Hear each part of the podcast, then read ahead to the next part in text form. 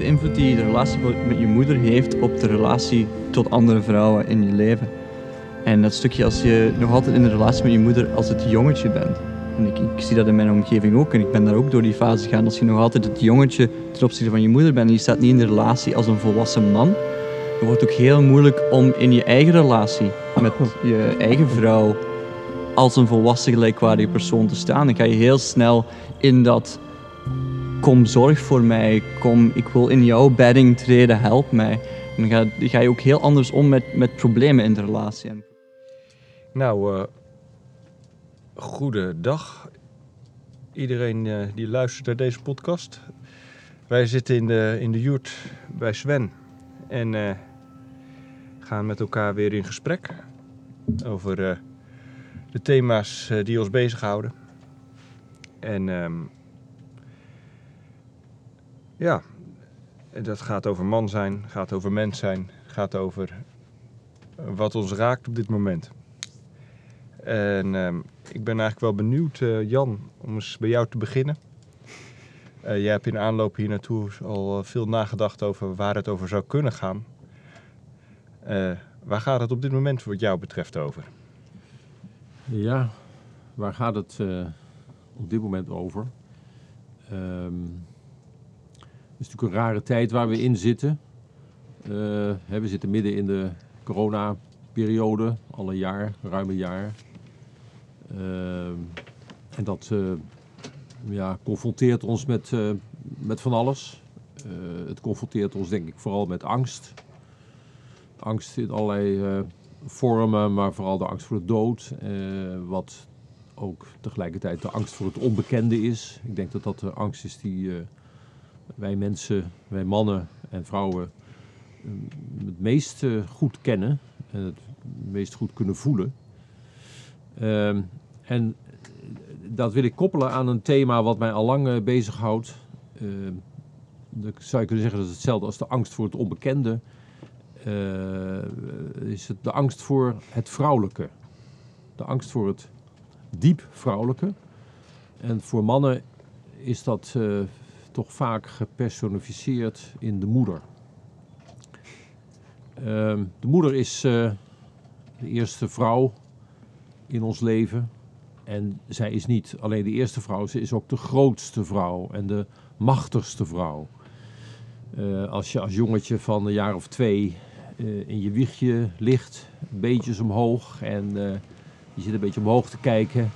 En je hebt bijvoorbeeld honger of je hebt behoefte aan verschoning, omdat je net je hele luiertje hebt volgepoept. Of je hebt behoefte aan koestering, warmte, warmte, warme aandacht. Dan is daar die moeder die boven je, boven je wiegje uittorent als ja, alles beschikkende, alles beheersende gestalte. Die eigenlijk de basis over, ja, over jouw leven. Over hoe het met jou gaat. Of of je gevoed wordt, of je verzorgd wordt, of je gezien wordt, gekoesterd wordt. Dus die moeder is voor ons allemaal een enorme, grote, allesbepalende invloed in het begin van ons leven.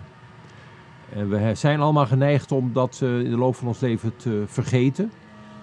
Maar ze is altijd onder de oppervlakte is ze aanwezig. Dus daar zou ik graag met jullie eens over willen hebben, over het moedercomplex. Wauw, je gaat uh, even, dus als ik jou goed begrijp, zeg je van waar gaat het voor jou op dit moment over? Begin je bij in deze tijd van corona, is het onderliggende angst, angst voor de dood, angst voor het onbekende. En vanuit de angst voor het onbekende zeg jij, voor mij als man is dat direct gelinkt aan de angst voor het vrouwelijke. En het vrouwelijke koppel jij, de kern daarvan is de angst voor de moeder. Ja, vooral, hè, ik, mijn associatie was hè, vooral het onbekende, de angst voor het onbekende. En dan wil ik eh, eens wat dieper kijken naar het onbekende aspect van het vrouwelijke in mijn leven, in ons leven. Oké. Nou ja, we zitten hier deze keer niet alleen uh, met jou, maar we zitten ook met uh, Vicky en, uh, en Sven. onderdeel van het team van Heart of Men. En ehm, fijn dat jullie deze keer ook aangesloten zijn. En ik ben wel benieuwd, Sven. Eh, zoals ik jou ken, ben jij iemand die altijd op een diepe, diepe manier kan, kan voelen. Eh, als jij dit zo hoort, wat, wat, wat roept dat bij jou op? Ik had al schrik dat je mij eh, ging aanspreken met een vraag. Ja, waar roept dat in mij op? Dan kan ik eigenlijk alleen maar teruggaan naar, naar mijn eigen ervaringen met, met mijn eigen moeder. En, en wat ik daar allemaal in heb, als ik daar een soort van, van waarnemer ben in eh, mijn eigen- levenstraject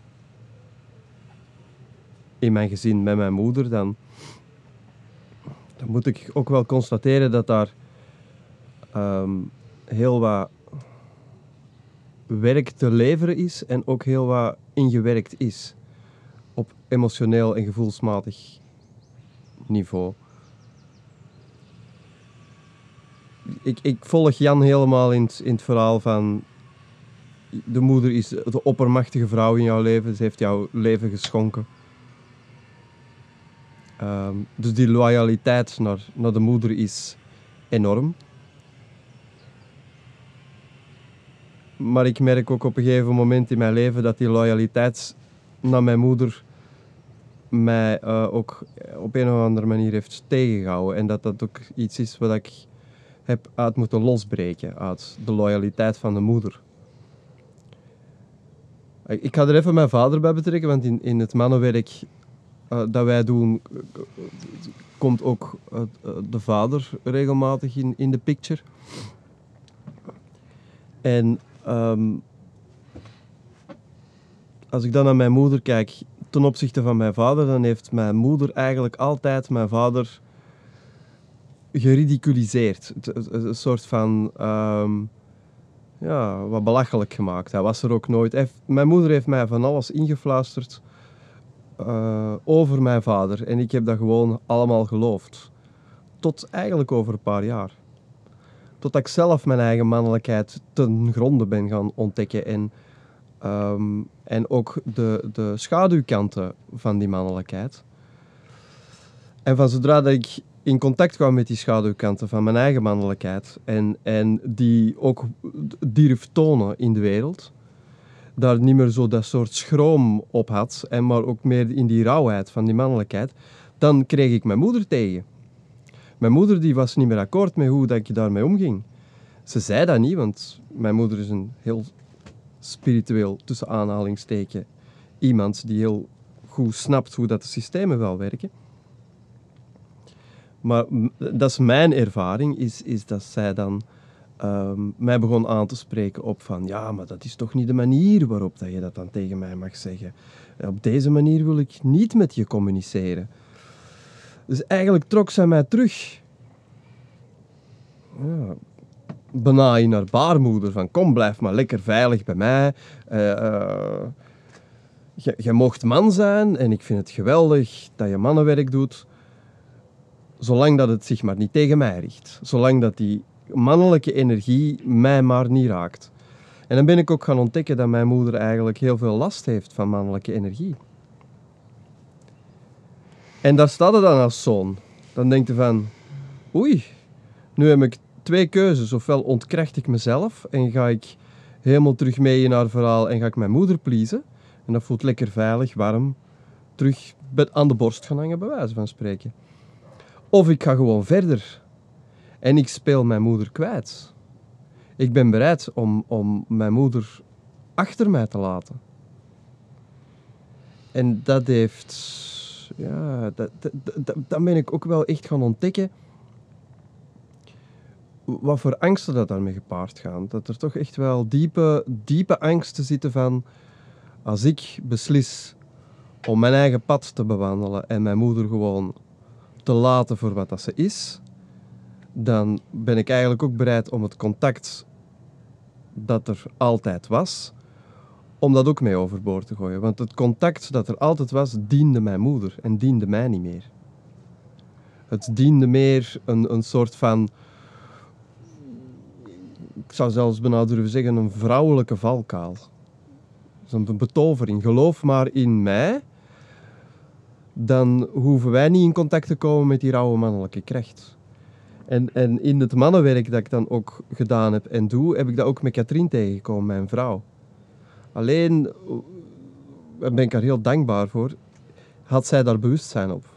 Zij, zij snapte dat dat bedreigend was als vrouw om met man in contact te komen die, die, die, die, die meer met zijn mannelijke energie aan de slag gaat. En mijn moeder die, die, die, die, die heeft dat niet echt helemaal door. Die, die, die, die, die, heeft daar wat bang van. Die heeft precies een beetje bang gekregen van mij. Ja, en je zegt een hele hoop dingen. Hè? In het begin zeg je van ik heb daar een hele hoop werk in gedaan. En, en toen kwam ik meer in contact met mijn rauwe mannelijke kant, waarin mijn moeder dat eh, nou indirect eigenlijk op subtiele manieren liet merken dat dat eigenlijk niet oké was voor haar. En dat riep angsten bij je op. En dat zijn eigenlijk allebei dingen waar ik wel eens wat meer over zou willen horen. Want klinkt voor mij nog wat, zo wat abstracter als je zegt ik heb daar een hele hoop werk in gedaan. Wat, is, wat moet ik me voorstellen bij, wat voor werk doe je daar dan in? Dat is meer gaan ervaren en voelen. Ik heb daar eigenlijk mijn moeder niet voor nodig gehad. Dat is meer. ehm, het zit hem soms ook in kleine dingen. Dat je ineens een beslissing maakt van nee, op deze manier wil ik het niet, niet meer doen met haar. Op deze manier wil ik niet meer dat contact onderhouden. En dat je voelt of dat precies heel je wereld onder je uitgenomen wordt. Je, je verliest een soort van bedding. En daar gaat het dan als man. Dan, dan, gaat het een soort van vrije val. Je, en, het is, en dat is het werk, de vrije val. Om dan in die vrije val te vallen. Je weet niet waar dat je gaat landen. Ik, ik, ik wist dat niet. Ik ging heel diep emotioneel en eh, bang en, en ik, ik- ja. Waardoor dat ik gewoon alle vaste grond onder mijn voeten verloor. En ik wist tegelijkertijd, het is, is, dit is niet wat, dit is niet, dit, deze klopt niet. Dit, ik bedoel, het, rationeel gezien was dat niet. Ik, ik had een stabiel leven en, en toch voelde het aan alsof dat ik, of dat heel mijn wereld verloor. En in dat gevoel, in, in, dat, in die beweging, dat is het werk. En heel vaak komt het terug, wordt dat terug actief als ik ehm, met haar weer een hoofdstuk afslaat. Ik heb nu het gevoel dat het klaar is, maar het zit hem waarschijnlijk nog achter een hoekje. Maar het is het voelen van het verlies. Het voelen van het verlies van ehm, zelf de beslissingen te hebben moeten nemen dat, dat, dat ik mijn moeder loslaat. Eigenlijk de normale, bewuste houding, maar dat is in een perfecte, perfecte wereld, is de moeder die zijn zoon loslaat. Maar die, en daarin komt dan weer het begrip van, van mij naar mijn moeder, is die vrouwen die hebben niet vertrouwen in de mannen niet meer. Dus die gaan hun zoon niet zomaar meegeven met een andere man. Met die mannelijke energie. Die kunnen dat wel toejuichen van, is geweldig wat je doet, die mannelijke eh, en, en dat mannenwerk. En toch voelde van, men snapt niet echt wat dat wij aan het doen zijn. En je komt zo naadloos over van loslaten van de vrouw, terug naar een, naar een mannenwerk in verbinding met je eigen vrouw. Dus, het, dus, dus, het, dus het, het, je zit met een enorme vermenging van mannenwerk en de moeder. En ik denk dat in heel veel mannenworkshops dat dat gewoon vergeten wordt. Die, dat moederwerk. Ja. Wij hebben dat zelf ook nog niet echt gedaan. Nee, de vader-zoon-cirkel heeft een hele prominente rol. Ja. Eh, maar de, eh, het, het moederwerk minder als, als thema. Ja. En wat ik heel mooi vind en wat jij vertelt is, is eigenlijk als je de vraag van wat is nou dat werk wat je gedaan hebt, is eigenlijk het, het, het voelen van, van dat, eh, de angst voor het onbekende en het in het diepe springen. Want de bedding, de, de- de moederlijke bedding valt weg. Ja. Niet zozeer rationeel, maar gevoelsmatig. Ja. En het werk is dan dat te durven voelen. Het innerlijke werk daarin. Ik zal er ook even, even wel op inpikken. Hè. Eh, het stukje dat Ton, die er nu niet bij is, ook af en toe naar voren brengt, is dat deeltje dat. ehm, de invloed die de relatie met je moeder heeft op de relatie tot andere vrouwen in je leven. En dat stukje als je nog altijd in een relatie met je moeder als het jongetje bent. En ik, ik zie dat in mijn omgeving ook. En ik ben daar ook door die fase gegaan. Als je nog altijd het jongetje ten opzichte van je moeder bent en je staat niet in de relatie als een volwassen man, dan wordt het ook heel moeilijk om in je eigen relatie met je eigen vrouw als een volwassen gelijkwaardige persoon te staan. Dan ga je heel snel in dat kom zorg voor mij, kom ik wil in jouw bedding treden, help mij. Dan ga, ga je ook heel anders om met, met problemen in de relatie en problemen met jezelf wanneer je in contact staat met je vrouw. En ehm, nu bij, bij mij heeft dat ook, heeft dat ook een paar eh, unieke momenten gehad in mijn leven waar, ik waar die relatie met mijn moeder echt veranderd is. En ehm, een van die momenten is, ik wou nooit gelijk mijn vader worden. Dus het zat heel fel in mijn hoofd toen ik eh, in de universiteit zat. Zo, ik kon niet gelijk mijn vader worden. Mijn vader heeft heel, heel veel last gehad eh, van depressie en door burn-out gegaan. En ik wou dat niet. Uiteindelijk heb ik zelf een burn-out gehad, zelf depressie gehad. Dus self-fulfilling prophecy voor, daarvoor. Maar er waren kleine gedragingen bij mijn vader bijvoorbeeld die mij irriteerden. Zoals het, het niet kunnen met geld omgaan. En, en gewoon dingen willen uitgeven en, en waardoor er financieel soms problemen misschien komen.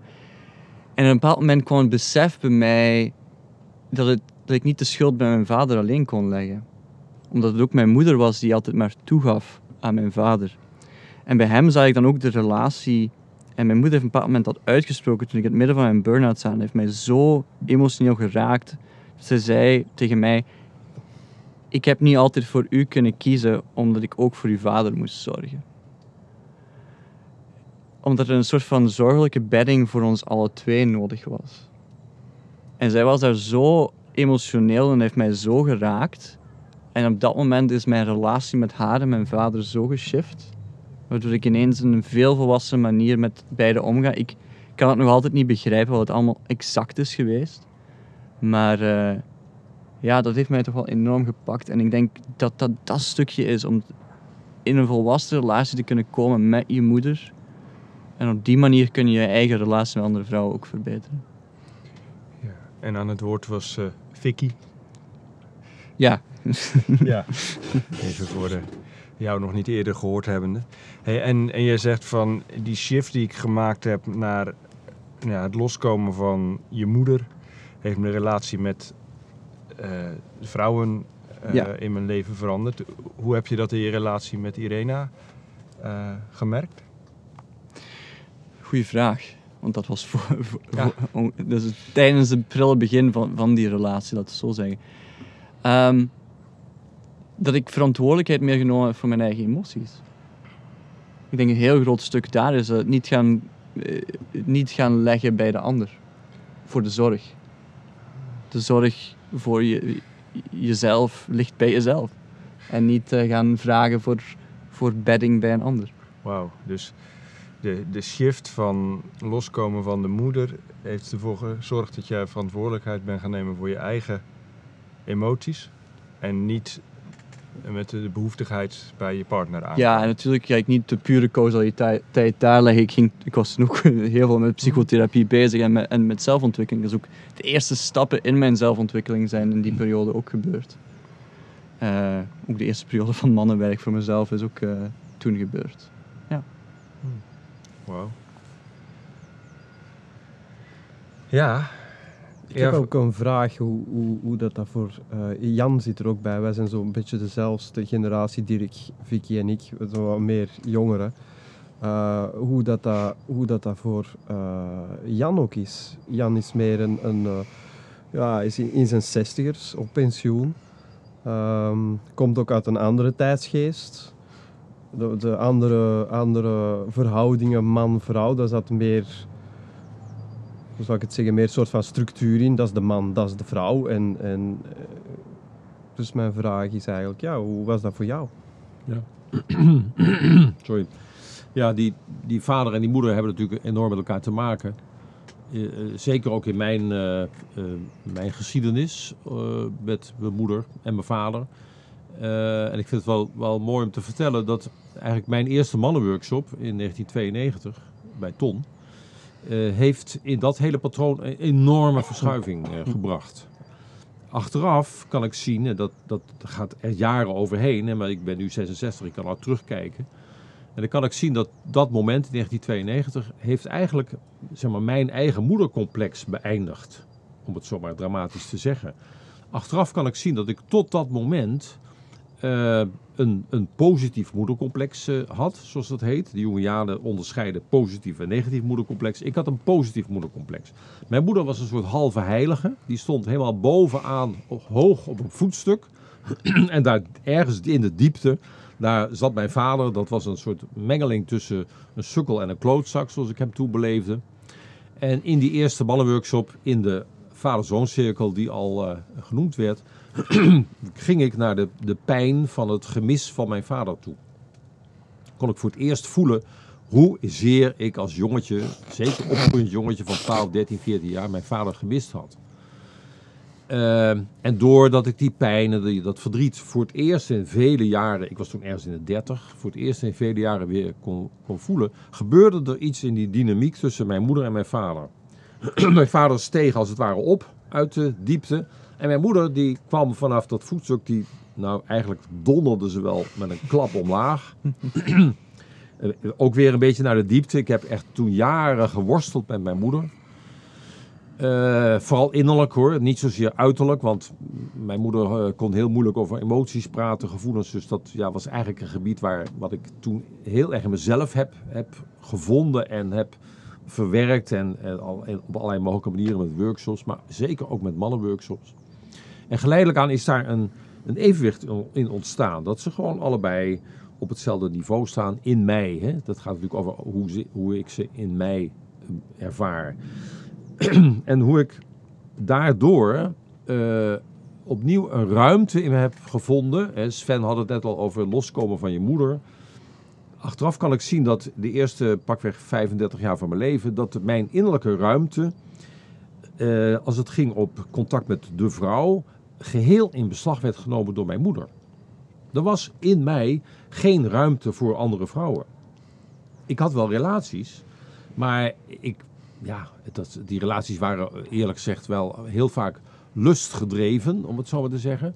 Dus de, de seks en de lust, dat was, dat was heel erg uh, een duidelijk motief. Maar de liefde, mijn hart openen voor de andere vrouw, ja, e-, eigenlijk kan ik niet anders zeggen dat ik dat niet kon in die tijd. Ik was daar gewoon niet toe in staat. Omdat al die liefde, die werd door mijn moeder uh, in beslag genomen. En dat is niet iets wat zij deed. Hè, van dat zij besloot van ik ga de liefde van mijn zoon pakken en vasthouden. Dat gebeurde in de dynamiek, hè, jaren 50, jaren 60, jaren 70. Waar die verdeling man-vrouw nog veel scherper en extremer was. Mijn moeder was altijd thuis. Die, hè, toen ze trouwde uh, raakte ze haar baan kwijt. Zo ging dat toen in die tijd. En zo ben ik opgegroeid. En ik heb, ik, achteraf vind ik het ontzettend jammer, want ik heb een aantal relaties gehad toen ik 20 was, uh, 30, begin 30. En ik, ik kan nu zien dat ik eigenlijk niet in staat was om de vrouwen waar het om ging, om die ja, echt in mijn hart toe te laten. Want dat hart, dat was voor mijn moeder. En door die eerste mannenworkshop in 92 is dat veranderd. En daarna ben ik dat geleidelijk aan gaan leren. Gelukkig, en nu ben ik alweer 20 jaar gelukkig getrouwd met mijn vrouw, Dederiek. Waar ik dat wel kan. Hè, is nog steeds het hele thema lust en, en liefde is lastig. Is altijd lastig. Maar ja, mijn moeder heeft, heeft haar plek gekregen in mijn leven. De, de juiste plek, hè, de evenwichtige plek. Doordat mijn vader zijn plek ook weer in mij kon krijgen. En die twee, het innerlijk huwelijk, hè, die twee, die vader moeder, dat is rustig geworden. Dat hele patroon is rustig geworden. En daardoor heb ik, naar mijn gevoel, mijn moedercomplex, wat ik echt dus heel erg heb gehad, heb ik achter me kunnen laten. Maar ik zie het in onze tijd nog steeds heel veel. Ik denk dat het moedercomplex nog heerst. Ja, want je begon dit verhaal eigenlijk door te zeggen van het gaat in deze tijd voor mij veel over angst. En angst voor de dood en het onbekende. En toen maakte je de stap naar dat angst voor het vrouwelijke als, als, als jongetje of als man. Uh, hoe zie jij die verbinding dan met, met, met die, uh, die, die, angst die in deze tijd dan zo groot is? Uh, dat heeft een, een heel aantal lijnen, naar mijn idee. de eerste lijn die ik wil benoemen en dat is meteen ook wel heel groot, eh, dat is hoe wij in onze patriarchale samenleving, patriarchale cultuur, die toch door de man wordt gestuurd voor een belangrijk deel, bewust althans aan de oppervlakte, is een cultuur die zich van de aarde heeft wegbewogen.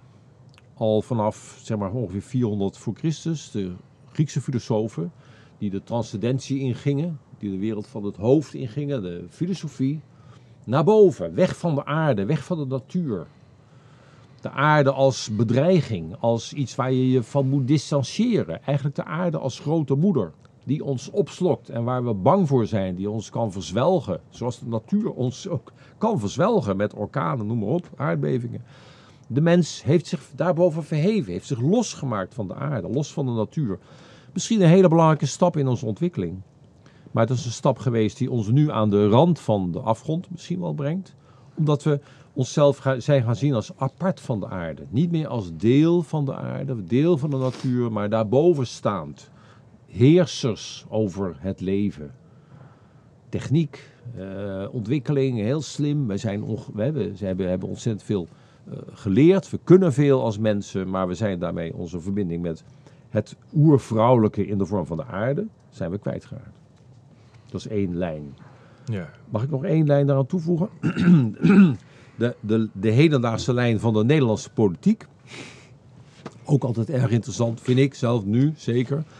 ik dacht van de week, wij hebben een minister-president, Mark Rutte, die eh, als een bekwame manager eh, ons misschien wel door deze stormen heen loopt. Maar ik dacht van de week ineens, Mark Rutte heeft een moedercomplex.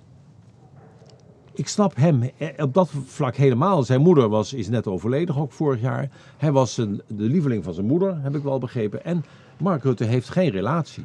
Hij leeft voor de politiek. Er wordt wel eens over gesproken. Hij geeft daar in, in, eh, interviews ook wel gewoon een open antwoord van ja, het is nooit gebeurd. Ja, eh, geen relatie. eh, Oké, ja, dat kan. Hè. Maar nu denk ik, nou snap ik denk ik in de, in de onderlaag waarom dat is. Mark Rutte heeft een moedercomplex. Heeft geen ruimte, geen emotionele ruimte om in zijn leven een andere vrouw toe te laten. En wat zien wij nu in de politiek? Sigrid Kaag duikt op. Heeft een verkiezings, verkiezingsoverwinning eh, ge- geboekt. En gaat nu samen met Mark op een of andere manier. Gaat zij samen in ieder geval de politiek voor een belangrijk deel in Nederland vormgeven. En ik ben ontzettend benieuwd. Ik ben ontzettend benieuwd wat wij hierin gaan zien. Wat er gaat gebeuren met het moedercomplex van Mark Rutte. dat zijn twee hele interessante lijnen. En, en, en ik, ik wil even op die eerste doorgaan. En eh, eh, eh, voor mij, wat jij in het groot schets, herken ik in mezelf. Hè? Dat, dat transcendente, dat, dat hoofdelijke, losstaan van de aarde. En dat voor mij een groot gedeelte van dat mannenwerk gaat over het herverbinden met mijn eigen gevoel en, en, en met, met de aarde daarin. En dat dat, eh, eh, dat, dat koppel jij dus sterk aan dat, dat vrouwelijke. Voor mij is, is belangrijk in ons team, waar we eigenlijk ook altijd in het proces zitten van... Het gaat niet alleen maar over andere mensen helpen, maar we zijn ook zelf altijd in dat proces.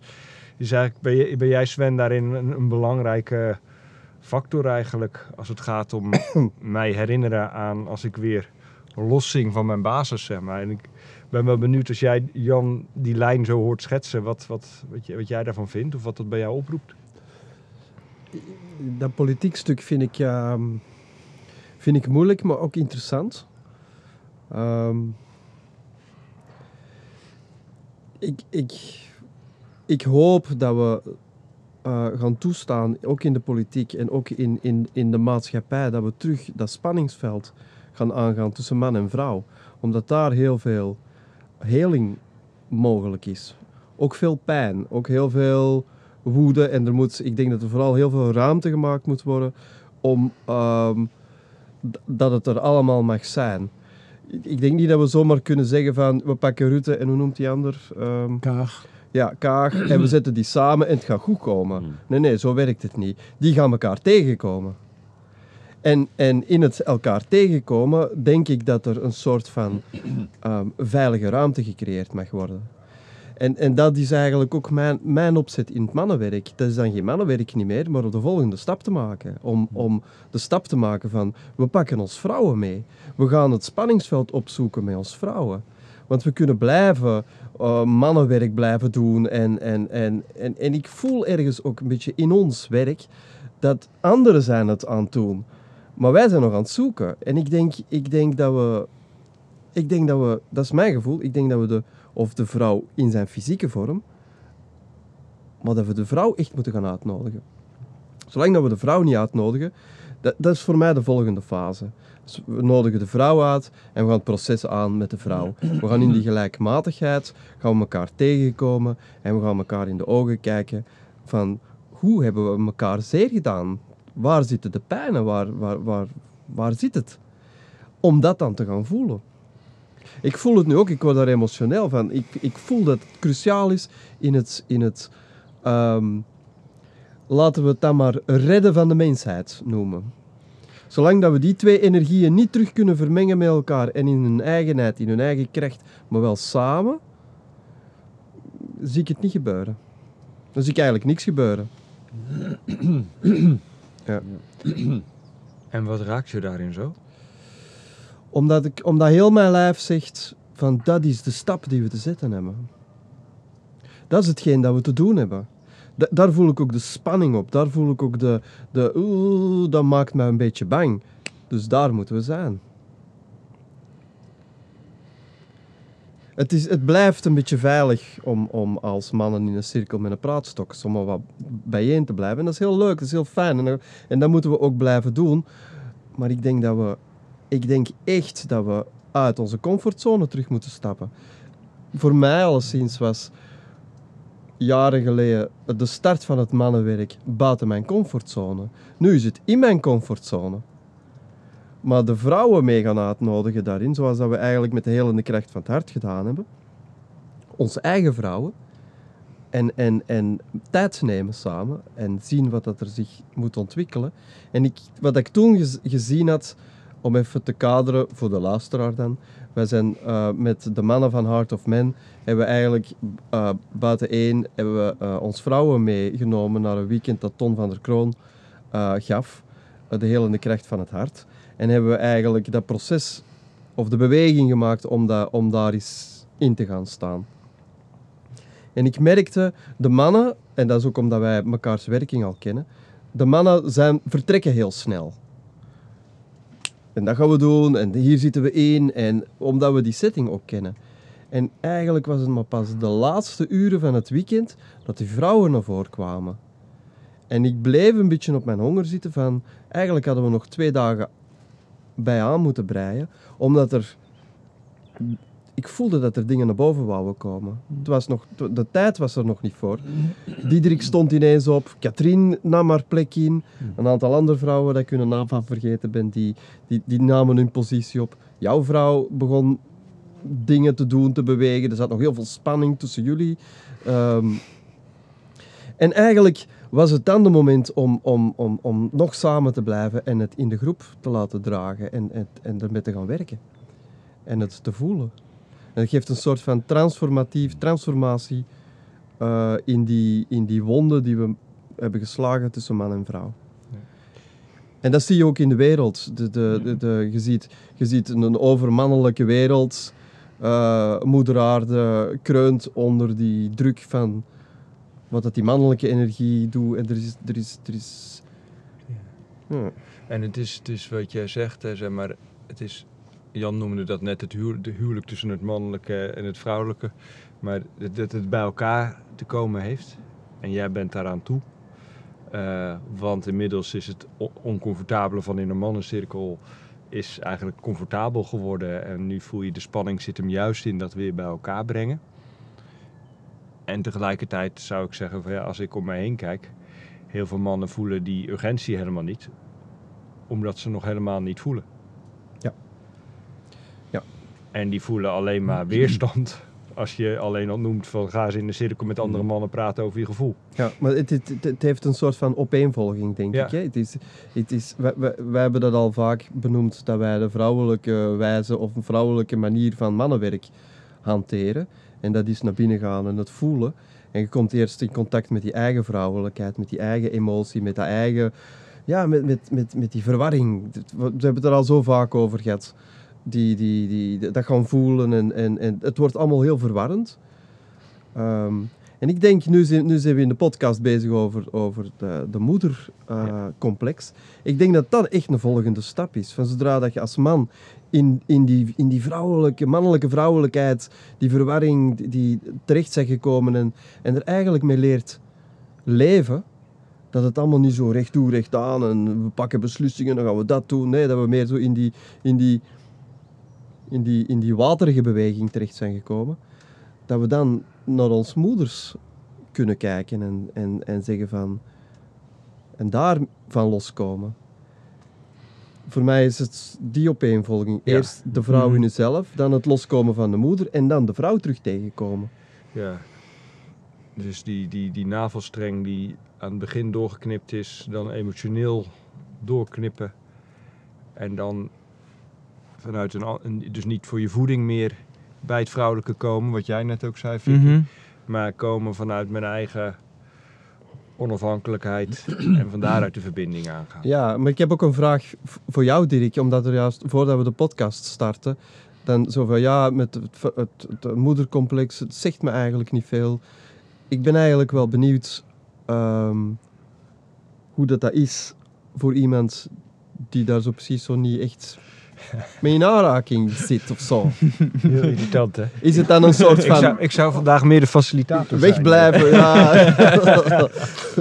is het dan een soort van af, Dirk. wegblijven van nog een heikel punt? Of is het Nee, iets... Ik nee. ben benieuwd. Ik, ik, ik denk, waar ik zeg maar, niet zoveel mee heb, is de psychologische term eh, moedercomplex. Zo wordt het voor mij een beetje te... eh, daar heb ik gewoon, dat je niet zo psychologisch... eh, dat, ik heb wel een hele...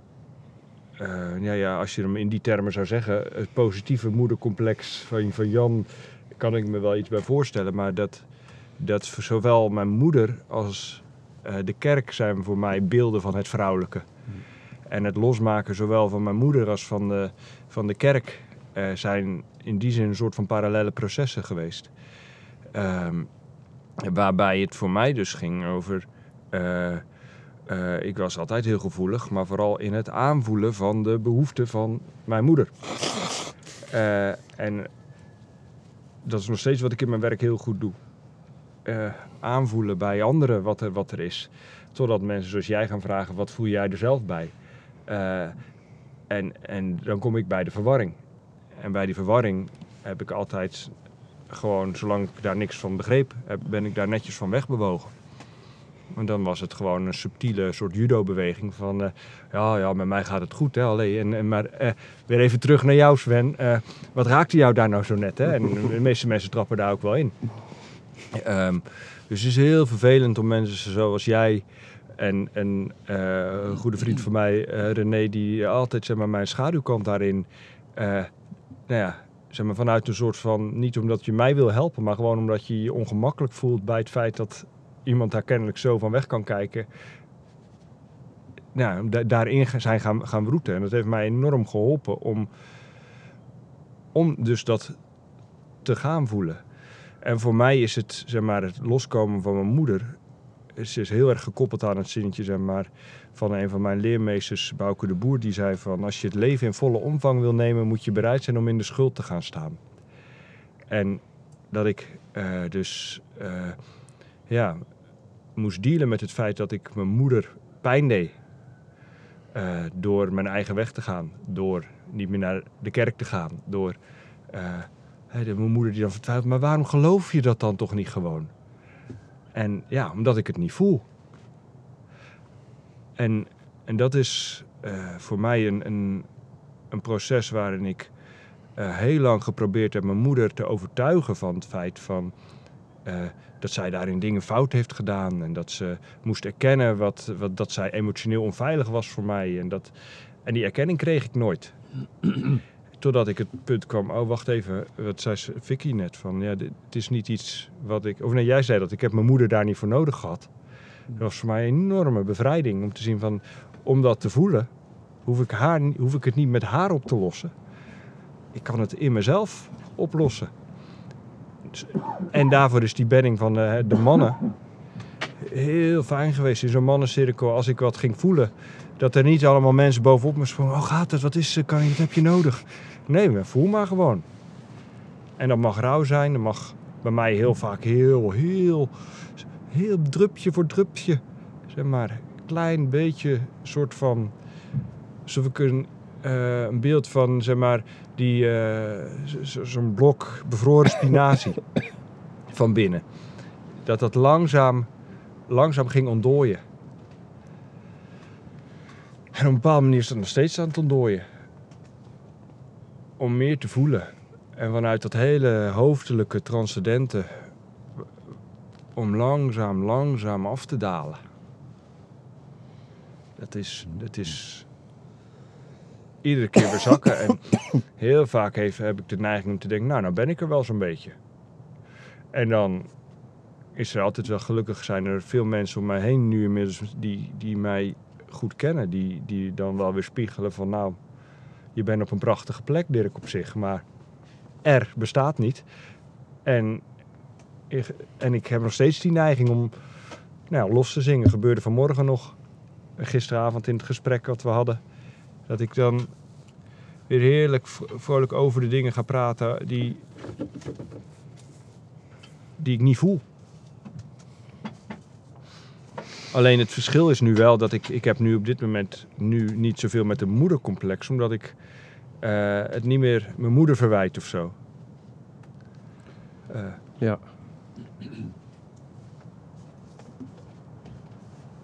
Ja, ik, ik, denk, ik denk dat ik er ook niet zo helder over zou kunnen praten. Moest het al de revue zijn gepasseerd. Moest het nog niet de revue zijn gepasseerd. Ja. Dan zou ik misschien nu ook zo ergens in een soort van nog in die verwarring zitten. Maar ik vind het heel fijn dat, dat, het, dat het thema, boven gisteren werd het thema door Jan aangehaald. En ik had echt het gevoel, heel diep van binnen, hier kan ik echt iets over zeggen. Ik wist niet wat ik kon zeggen.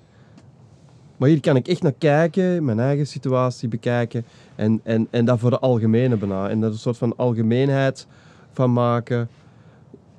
Bijna een tool voor, voor, voor anderen. als, als ik zeg maar zo zeg, van, voor, voor mij het loskomen van mijn moeder en van het, die, die navelstreng, heeft zo te maken met mijn eigen weg kunnen gaan. Ik denk opeens aan de momenten, zeg maar, als ik zelfstandig, als aan de slag ging. Mijn, va- mijn vader de neiging had te zeggen, ga maar, ga maar. En mijn moeder de neiging zei, nou weet je, zou je je baan nu wel opgeven? En, en dan voelen, oeh, nu stel ik en mijn moeder teleur en ik ga iets heel ernstigs, iets gevaarlijks aan kennelijk. Of studeren in het buitenland. Je. Mijn vader zei, ga vooral studeren in het buitenland. Dat is goed voor je, mooie ervaring. Mijn moeder, nou, je, dat hoeft niet per se. En eh, het is prima als je hier blijft. Fijn- we hebben het toch ook zo fijn samen. Hè, dat zijn allemaal van die momenten waarin ik dat wel heb ervaren. Van de, de mannelijke, mijn vader, die in positieve zin me erop uit, me uit het nest duwde. En mijn moeder die Ja, ja. uitnodigt om vooral te blijven, zeg maar. En, eh, ja. Zo'n beetje het verhaal van Parsifal eigenlijk, hè, met, zijn, met het hemd. Ja, het wit hemd. Ja, ik ken het verhaal niet goed, er zullen, zijn hier anderen die beter zijn in die verhalen, maar... Zullen we dat even... Jan, hoe zat dat verhaal Jan? ook alweer? Ja, Parsifal die, die wordt door zijn moeder opgevoed. eh, en eh, zijn moeder, Hetzeloïde, wil niks anders dan dat Parsifal bij haar blijft. Want ze heeft al, eh, ik geloof, eh, vijf zoons en een man verloren aan de strijd. Hè? Aan het geweld, aan het ridder worden. Dus eh, alles wat Parsifal eh, eh, wil worden, niet ridder worden, zegt moeder. Tot Parsifal, als hij 12, 13 jaar oud is, eh, een paar ridders eh, langs ziet komen voor het eerst in zijn leven. En hij is zo zwaar onder de indruk van die ridders, die glimmende wapenrustingen en die, die banieren en die vlaggen, dat hij niks liever wil dan ridder worden. En dan verlaat hij zijn moeder om naar het hof van koning Arthur te gaan. En zijn moeder eh, is een van de versies van het verhaal, die, die, die overleeft het niet. Die valt van verdriet dood neer op de brug die zijn boerderij van oorsprong scheidt van de rest van de wereld. Hij gaat de wereld in. Ja, dat is de taak van Parsifal. Van ons allemaal. ook, ook meisjes, denk ik. Hè? Ik heb een dochter die heeft net de Parsifalperiode op school, maakt die door. Prachtig zoals ze dat doen. Ze is 16,5, ja, je moet de wereld in. Je moet de wereld in. We willen en we moeten allemaal de wereld in. We moeten het vei- de veilige haven, de veilige moederlijke berging moeten we achter ons laten. En met ons meenemen. In ons. Niet buiten ons. Ja, dus, dus eigenlijk zeg maar de shift die je maakt is van eerst zeg maar, je wordt geboren in die veilige bedding, die is alles voor je, die is wat jij ook zei, dat, dat draagt je. En er komt dan een moment dat je die veilige bedding te verlaten hebt. En het gezonde mannelijke nodigt je uit om die bedding te verlaten. En Ja. ja, En dan ga jij, sta jij voor de uitdaging om te gaan geven wat je ontvangen hebt. De liefde, de onvoorwaardelijke liefde van de moeder heb je opgezogen in je cellen als het goed is. En jouw taak als mens is om die onvoorwaardelijke liefde in de wereld te gaan brengen. Op jouw manier. klinkt heel Dat is wel heel en mooi. Dat is wel een heel mooie uitspraak daar. Ja. Ik wou daar even gewoon nog één, één ding over zeggen. En Jullie twee weten daar een beetje meer over, maar het, het is ook een heel westers iets dat wij, wij hebben ook geen eh, rituelen meer waar jonge mensen eh, die afscheiding worden, door, doorgeleid worden om die afscheiding van hun ouders, van hun vader, van hun moeder te hebben.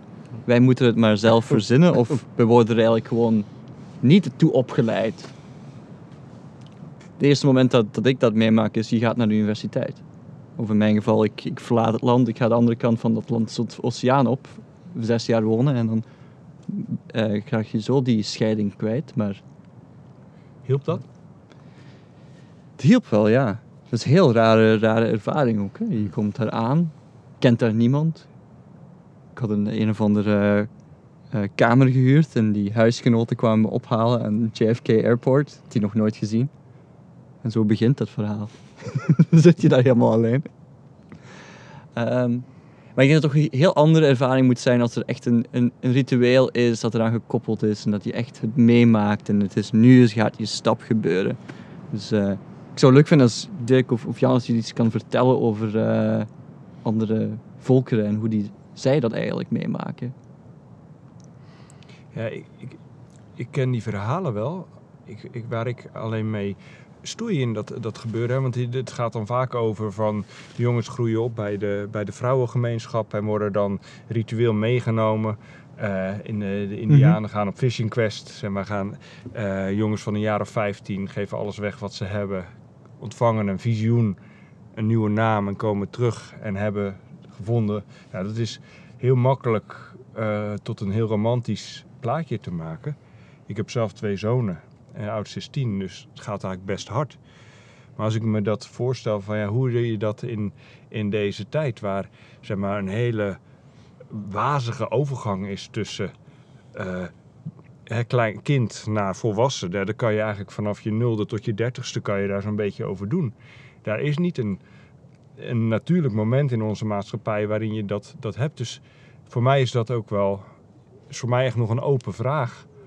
Hoe ga ik dat straks doen? Het, het, eh, ik vind het heel mooi, ik vind het heel aantrekkelijke gedachte om daarvan te leren, van die culturen. En tegelijkertijd voel ik ook van ja, eh, we kunnen niet terug naar die cultuur. Nee, en de vraag is, wat, is, wat is het voor de westerse samenleving een, een equivalent? En misschien is het gewoon, ga een jaar in het buitenland studeren en maak eens iets anders mee. Nou ja, maar daarin zit, zit in ieder geval het rituele aspect en het bewuste tot een ritueel maken zit daar, zit daar in ieder geval niet in zoals jij en ik het hebben gedaan Mhm. in ieder geval. Dus Ja. dan, het heeft nog niet diezelfde werking. Maar Nee, absoluut niet. Nee. Nou, ik, ik, wou jij daar wat over zeggen Sven? Of? Oh, nee, ik ben, ik ben nu gewoon aan het laatste. Ik ben ook zo'n beetje aan het zoeken van wat dat jij zegt. Wij hebben zo niks. En we maken inderdaad wel, denk ik ook wel de fout. Het is een valkuil om te gaan kijken naar andere culturen en dat dan gaan overidealiseren. Wij leven niet in andere culturen. Wij, dit, is, dit is waar dat wij het mee moeten doen. En, en ik denk dat dat nog een zoektocht is als ouder. En ik denk dat het ook een podcast waard is om eens als, vaders, als vader, want eigenlijk is dat een beetje de taak van de vader, denk ik dan maar, om, daarnaar, om zoiets te creëren, om zoiets vorm te geven. Wat bieden wij ons kinderen aan als een soort van hulpmiddel om los te komen van, van de ouders? Ja. En ook los te komen van de moeder. Maar ik, ik geloof ook dat het een. eh, dan moet ik het weer terug betrekken op mijn eigen situatie. Is, is, ik heb twee dochters. Dat zijn geen zonen, hè, want, want vaak is het zo: de zonen gaan dan met de, met de mannen. En de dochters, ja, wat doen de dochters dan? Met de vrouwen dan? Eh, maar ik heb twee dochters. En ik voel de taak als, als vader ook wel om. ehm, om daarin te gaan staan, om gewoon aanwezig te zijn als man aanwezig zijn in het geheel. En dat zorgt, dat zorgt op zich al voor een soort van initiatie in de wereld. Maar dan meer op een energetisch niveau. We hoeven niet per se ons kinderen met vliegtuig naar Amerika te sturen of, of ergens de woestijn in of een berg of een zweethut. Of, het doet er eigenlijk allemaal niet toe. Maar ik denk dat, we, denk dat het meer een soort van ja, delen is van de energie die je voor jezelf hebt neergezet. En ik merk dat mijn dochters heel veel rust ervaren als ik met die mannelijke, vrouwelijke energie er op die moment aanwezig kan zijn. Dat er een soort van. Dan, dan, en dan komen we een beetje op het boek van Ton, de terugkeer van de koning. Dan, dan, dan, als de koning terug. Als de koning zijn plek inneemt, dan, dan hoeft er ook niet van alles niet meer. Dan, hoeft er niet, dan hoeven we niet rituelen gaan doen en allemaal hulpmiddelen gaan aanhalen om ons tot wat te brengen. Het is dan nog een open vraag. Hè? Ja. En eh, voor mij zit daarin inderdaad dat je zegt van hang het niet te veel op aan het ritueel en het lenen eh, of het romantiseren van andere culturen. Eh, maar breng het in je dagelijks leven, in je aanwezigheid. Voor mij zit daar ook iets in van breng het in het werk wat wij al doen. Hè, zeker als ik kijk naar jongens meenemen, denk ik van ja, hoeven niet iets heel nieuws te gaan verzinnen. We doen al iets, zeg maar. En dat brengt me eigenlijk ook bij jou, Jan. Van, jullie zijn al 30 jaar met, eh, hiermee bezig. eh, met, met mannen weekenden. Eh, ik kan me zo voorstellen dat dit thema daarin ook wel vaak voorbij gekomen is. Hoe breng je jonge mannen dan mee in dat, of ja, los van, van, die, van die moeder, in die, in die stap? En dat Ik- ze niet daarna een burn-out hoeven te doen op een veertigste, maar en dat we dat al veel jongere leeftijd op een natuurlijke manier gaan incorporeren in onze, herincorporeren in onze maatschappij. Ja. Nou, ik denk dat dat, dat, dat eh, eh, sowieso gaande is. Het bewustzijn hiervan, daar gaat het voor mij vooral om. Het gaat om bewustzijn van deze processen, van het belang van loskomen van de moeder, et cetera, de wereld in. En er zijn heel veel enorm inspirerende verhalen uit andere culturen. Ik moet denken aan Malidome Som- eh, Mali- Malidoma Somé, dat is een man uit Guinea-Bissau. Eh, heeft een fantastisch boek geschreven over hoe hij geïnitieerd is. Het gaat over initiatie. Als, eh, als man, man geworden, zeg maar. Maar de valkuil is dat je dat gaat, wil gaan kopiëren. En dat is, niet de, de, dat is voor mij niet de weg. Wat jij net zei, Dirk, dat is voor mij heel verhelderend, omdat jij eigenlijk de, de link legt met het proces.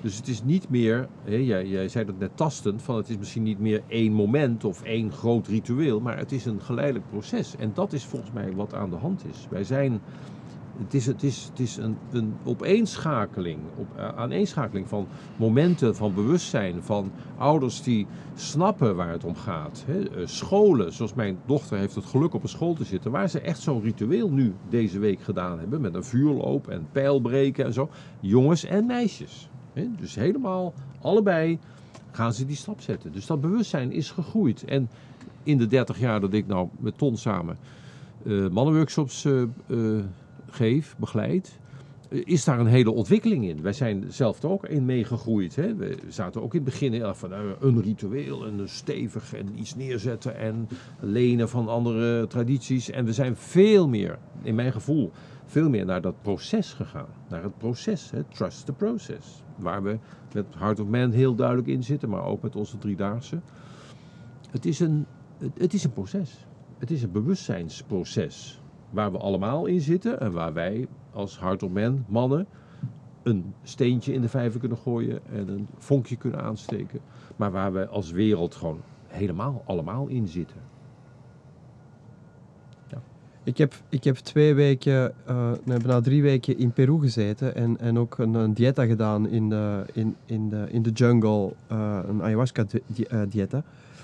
En ik had niet eh, het gevoel dat de shamaan die daar alles leidde, dat ik daar even mee op de bank kon gaan zitten en wat over mijn gevoelens kon praten. Of ik had niet het gevoel dat ik daar echt mij kwetsbaar kon opstellen. Die man die was gewoon heel goed in het neerzetten van het ritueel en in het leiden van een ceremonie.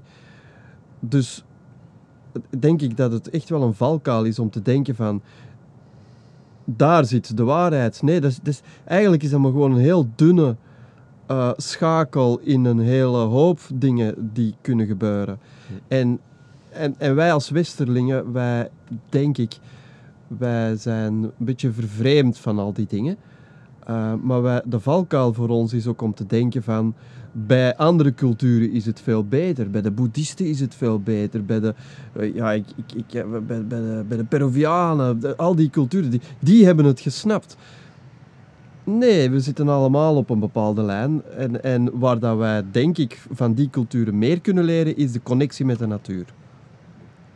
Wat een hele cruciale is. Maar wat, dat, wat dat we daar misschien niet van kunnen leren, is, is hoe gaan we om met onze eigen gevoeligheid? Hoe gaan we om met, met, met, met die vrouwelijke mannelijkheid? Ja. Ik denk niet dat je daarvoor bij een shamaan in Peru moet zijn of bij, een, uh, bij de Indiërs, uh, de yogameesters. Dus ik denk dat we ons eigen lijn aan het neerzetten zijn. En ja, we hebben, eigenlijk hebben we alles in aas. Ik denk dat we gewoon alles kunnen het is een, nieuwe, voor mij is het een nieuwe. Ik werk bijvoorbeeld met muziek en, en, en, en, mijn beginperiode was Native American en dan Indisch. En dan gaan stelen van, van, van, of stelen, gewoon gaan laten inspireren van die verschillende culturen. Maar hoe langer hoe meer begin je je eigen werk te maken of zo. En dat is gewoon een Belgisch, Antwerps, Kempens product. Ja, nou, ik, ik, voel het zo langzamerhand dat we zo mooi naar een afronding gaan. En ook met wat jij nu zegt eigenlijk van we beginnen bij eigenlijk die angst voor het onbekende. Die veel te maken heeft vanuit als man angst voor het, uh, de grote moeder en het, en het vrouwelijke, zeg maar.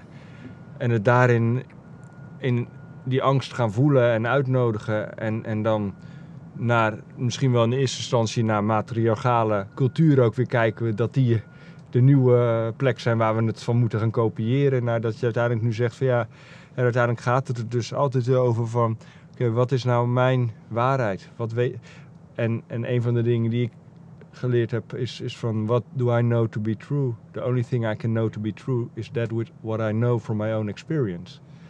En wat is dan mijn ervaring? En durf ik daarop te gaan varen? Uh, ik denk dat dat, dat heel mooi is om dat nog eens verder uit te gaan pakken. Maar volgens mij is dat wel de beweging van loskomen van het vrouwelijke, op je eigen benen gaan staan. En van daaruit opnieuw de verbinding aangaan met zowel het vrouwelijke als met wat, dat wat je te doen hebt in de wereld. Ja, ik denk, ik denk als, we, als we die beweging maken, dat we ook terug, niet vanuit een dogma, maar vanuit een diep voelen, terug meer respect voor de natuur gaan ervaren. Ja. En dat we, dat we gaan voelen van, van als ik deze boom uitdoe, bij wijze van spreken, dan, dan, dan klopt er iets niet. Maar die boom kan ik wel uitdoen, want die, die, die, die, die is... Ja, dat je meer die voeling met de natuur. En, en ik denk, als er een soort van tegenkracht mag komen naar, hetgeen, naar de beweging die heel hard bezig is, de artificiële intelligentie, um, en niet zozeer een tegenkracht om tegen die AI te gaan werken, maar meer een soort van in balans brengen van wat dat er nodig is. En dat is die connectie met de moeder, moeder aarde. Ja. Ja. ja, dan hoor ik al, zeg maar, om het nog eens te gaan hebben over de derde artificiële winter. eh, daar gaan we met Vicky nog eens verder over praten. Maar Jan, ik zou, eh, omdat we bij jou begonnen zijn, zou ik uh, willen kijken van, ja, om ook bij jou te eindigen voor dit verhaal over het moedercomplex. Ja. Ja, mooi. We zijn goed op weg. Dat, eh, dat voel ik vooral. Ik vind, het, eh, vind dit gesprek heel fijn, omdat er allerlei lijnen eh, worden benoemd en worden verbonden. Ehm, en daarmee doen wij iets wat, denk ik, in groter verband gewoon heel erg nodig en vruchtbaar is. We verbinden ons met elkaar en met onszelf. En in het veld wat we samen scheppen, worden de dingen